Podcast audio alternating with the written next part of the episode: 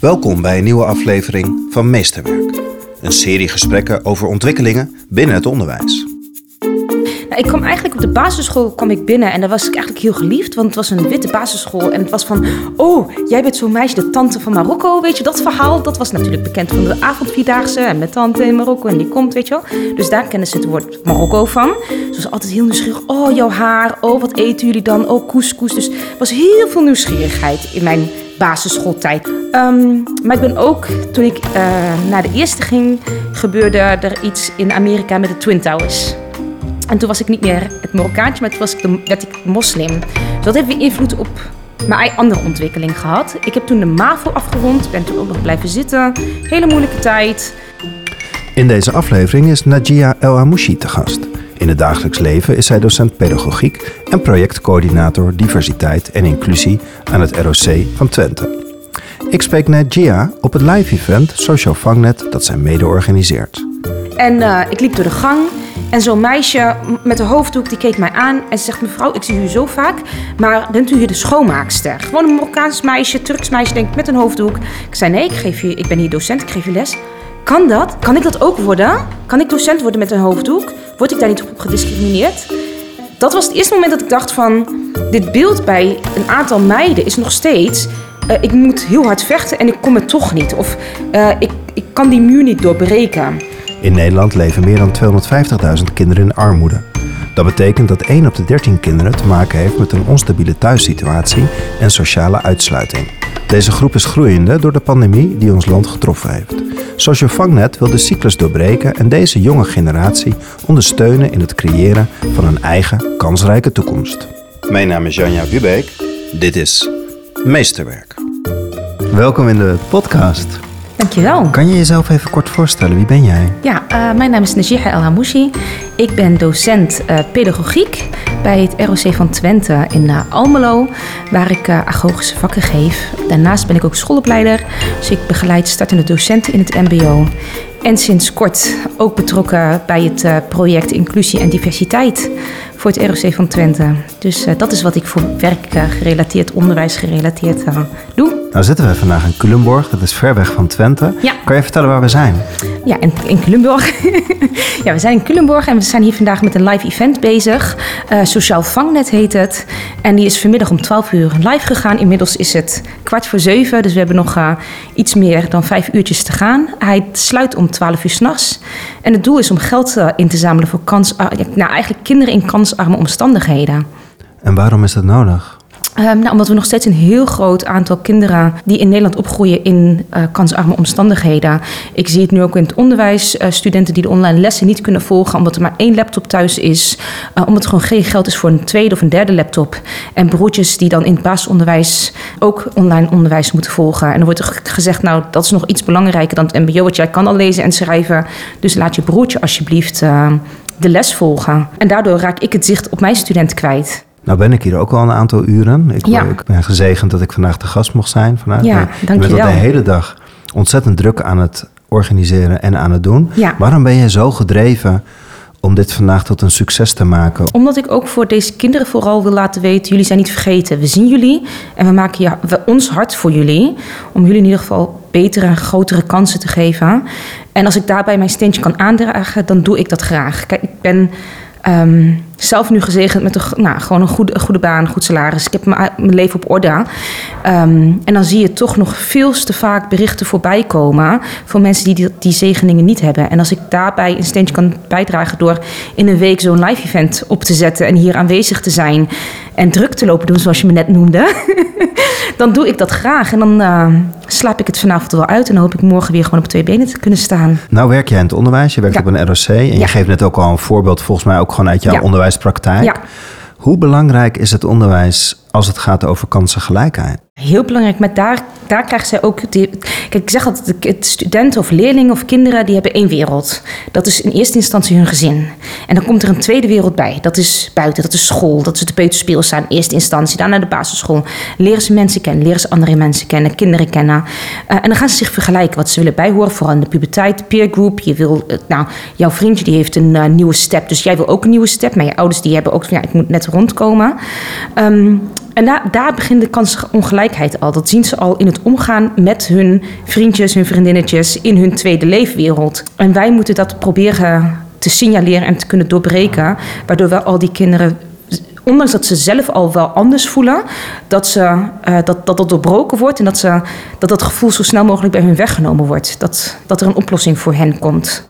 Hoe is jouw onderwijscarrière eigenlijk gegaan? Want wij, even voor de luisteraar, die, wij, zaten, wij, zaten, wij keken elkaar aan en wij dachten, wij kennen elkaar ergens wat van. Je, je bent uit Meppel, uit, uit Friesland, allemaal plekken in Nederland waar ik. Ben ik geweest? Waar ik in ieder geval niet geweest ben. Dan kwamen we erachter dat we ooit waarschijnlijk in het vliegtuig naar Agadir in Marokko samen bij elkaar hebben gezeten. Maar niet uit het onderwijs in Nederland. Dus je hebt een, een nou, om maar even plat te zeggen, in, in, het, in het oosten van Nederland heb jij jouw schoolcarrière gehad. Hoe is jou dat vergaan? Ja, met ups en downs eigenlijk. Nou, ik kwam eigenlijk op de basisschool kwam ik binnen en daar was ik eigenlijk heel geliefd, want het was een witte basisschool en het was van, oh, jij bent zo'n meisje, de tante van Marokko, weet je dat verhaal? Dat was natuurlijk bekend van de avondvierdaagse en met tante in Marokko en die komt, weet je wel. Dus daar kennen ze het woord Marokko van. Ze was altijd heel nieuwsgierig. Oh, jouw haar. Oh, wat eten jullie dan? Oh, couscous. Dus er was heel veel nieuwsgierigheid in mijn basisschooltijd. Toen Vond je dat fijn of ook wel een beetje Toen wel, ja.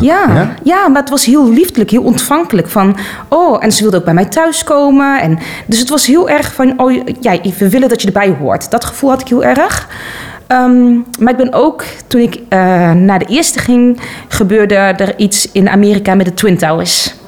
En toen was ik niet meer het Marokkaantje, maar toen was ik werd ik moslim.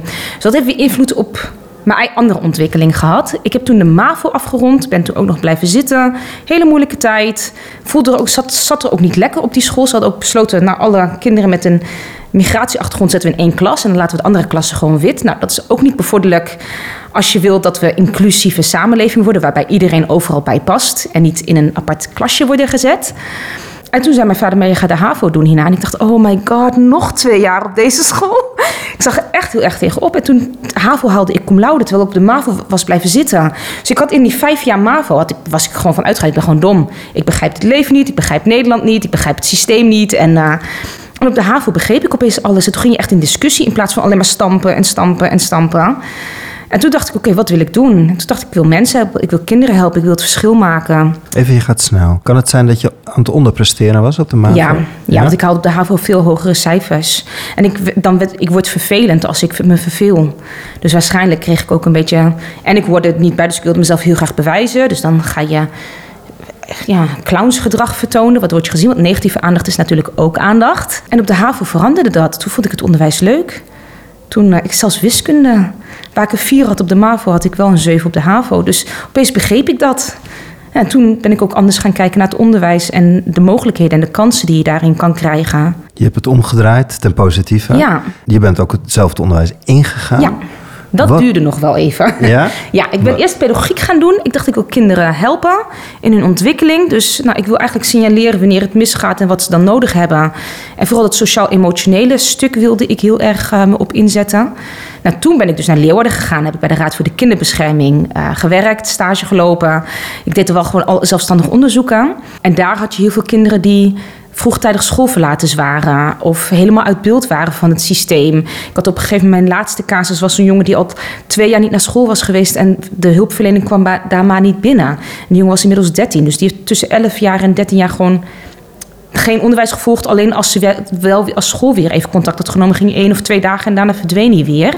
En toen dacht ik, oh, maar ik moet niet bij de raad zijn. Ik moet daar in die school zijn. Ik moet het nog eerder signaleren. En toen ben ik mijn lerarenbevoegdheid gaan halen. En hoe is dat gegaan? Ja, goed, die heb ik dan weer in Amsterdam afgerond. dus ook overal en nergens. Ja, en dat vond ik gewoon super tof. Ik heb toen uh, in Zaandam uh, stage gelopen. Uh, bij niveau 1 opleiding. Dus algemeen gekwalificerend assistent. En het waren heel veel jongeren die uitgevallen zijn van het VWO, van het HAVO, van een MBO niveau 4 opleiding. Die eigenlijk gewoon heel veel ondersteuning en sturing nodig hadden. En daar voelde ik me echt op mijn plek. Hier dacht ik echt van ja. Het is een podcast, mensen kunnen jou niet zien, maar ik ga vertellen wat ik zie. Dat is een ontzettend blij en stralend hoofd met hele mooie grote ogen, die vol passie stralen als jij over het onderwijs staat. Neem, neem mij mee, hoe kan jij het verschil maken op een school elke dag om dat kind te zien zoals jij misschien niet altijd goed gezien bent? Door er gewoon te zijn. Door, ik, ik was gisteren had ik ook een heel mooi voorbeeld. Ik had gisteren een lesbezoek bij een startende docenten. Ehm, en ze was de hele les vooral bezig met het lesmateriaal. En op een gegeven moment zei ik tegen haar: Maar waarom ontspan je niet? Je hebt een jongere voor je, een student, die was de hele, hele leuke verhalen aan het vertellen over jouw werkveld. Je had je PowerPoint ook even kunnen om, over, ja, uh, overslaan en dan die jongen laten vertellen. dan middels dat verhaal jouw begrippen erin proppen. Of ja, in ieder geval meenemen in dat verhaal. En dan had je ook je doel bereikt.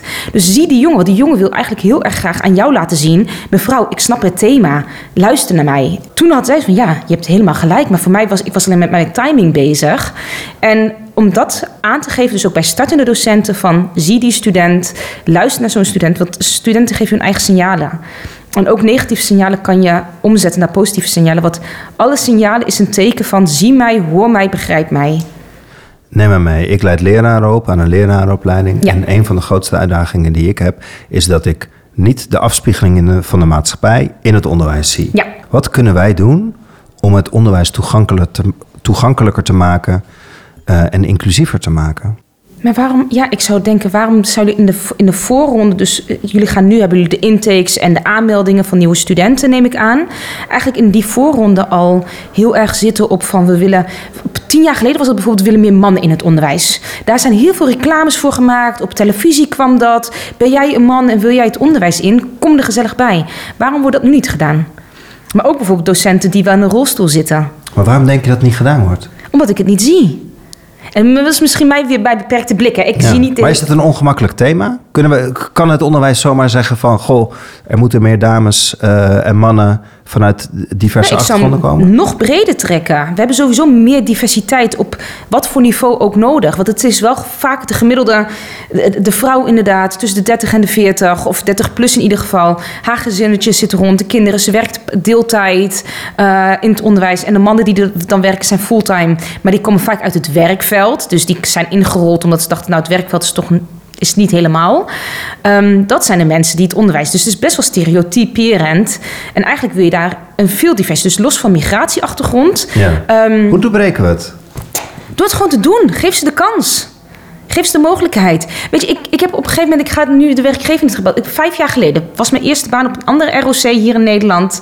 En uh, ik liep door de gang en zo'n meisje met een hoofddoek, die keek mij aan en ze zegt: Mevrouw, ik zie u zo vaak, maar bent u hier de schoonmaakster? Gewoon een Marokkaans meisje, Turks meisje, denk ik, met een hoofddoek. Ik zei: Nee, ik, geef je, ik ben hier docent, ik geef u les.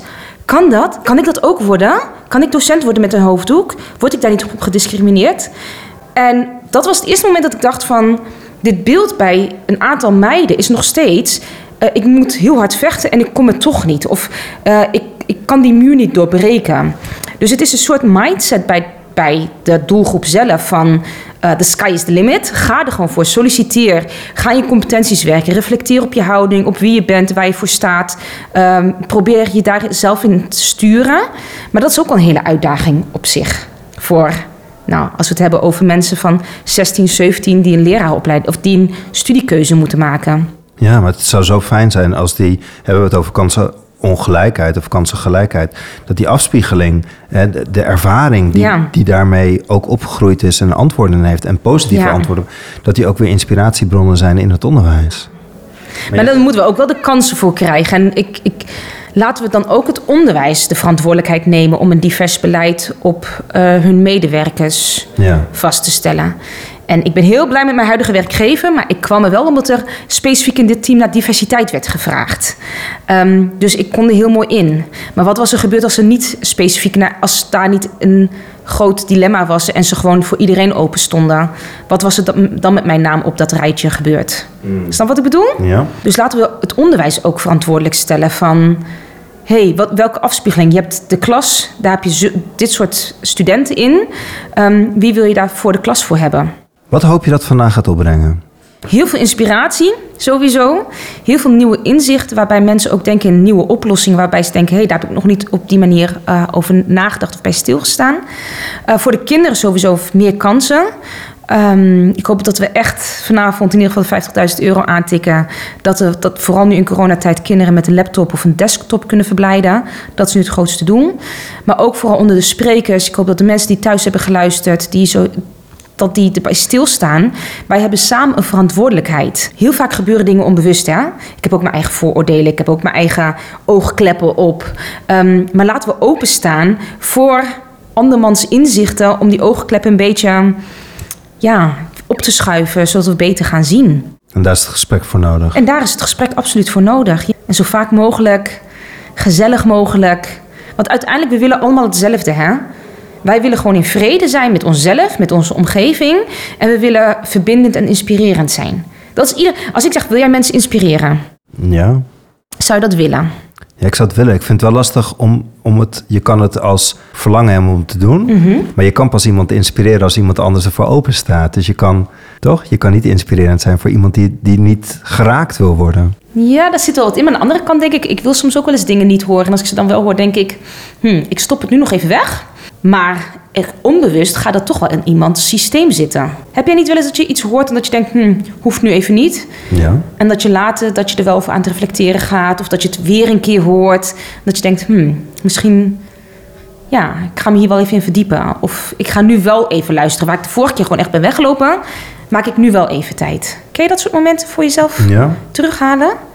Dat is toch ook al inspirerend zijn. Die, die eerste persoon bij wie je bent weggelopen heeft wel een durf, een heel klein kiertje voor je Nou, geopend. het zit in nieuwsgierigheid. Sta je open? Wil je er naar luisteren en, en wil je het laten binnenkomen? Ja, maar ik, de- ik ben oprecht, en misschien is het dan naïef van mij, ik denk dat iedereen een bepaalde energie bij zich draagt. En misschien is die energie wat kwijtgeraakt in de loop van de tijd en problemen en moeilijkheden in het leven.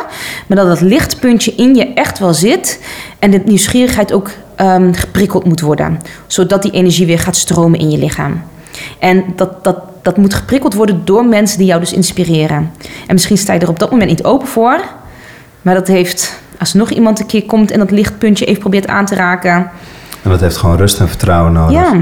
En ik geloof echt dat wij allemaal uit goedheid willen leven en handelen. Ook de mensen die slecht doen. Want dat, dat is pijn. Dat geprojecteerd wordt. Ja. Ik hoop het vooral. Misschien is het een hele naïeve gedachte. Maar ik hoop oprecht dat mijn visie daarop gewoon de waarheid is. Want anders zou je nooit meer iemand kunnen redden. Ik surf graag mee op deze gedachte. Ja, yes. Weer iemand binnen. Geïnspireerd. Hey, mag ik je om twee dingen danken? Eén voor dit gesprek, maar vooral ook om vandaag. Ja. Dat je al deze mensen bij elkaar weten te krijgen om het goede gesprek te voeren. Hey, graag gedaan. Jij ook bedankt voor deze tijd. Dank je.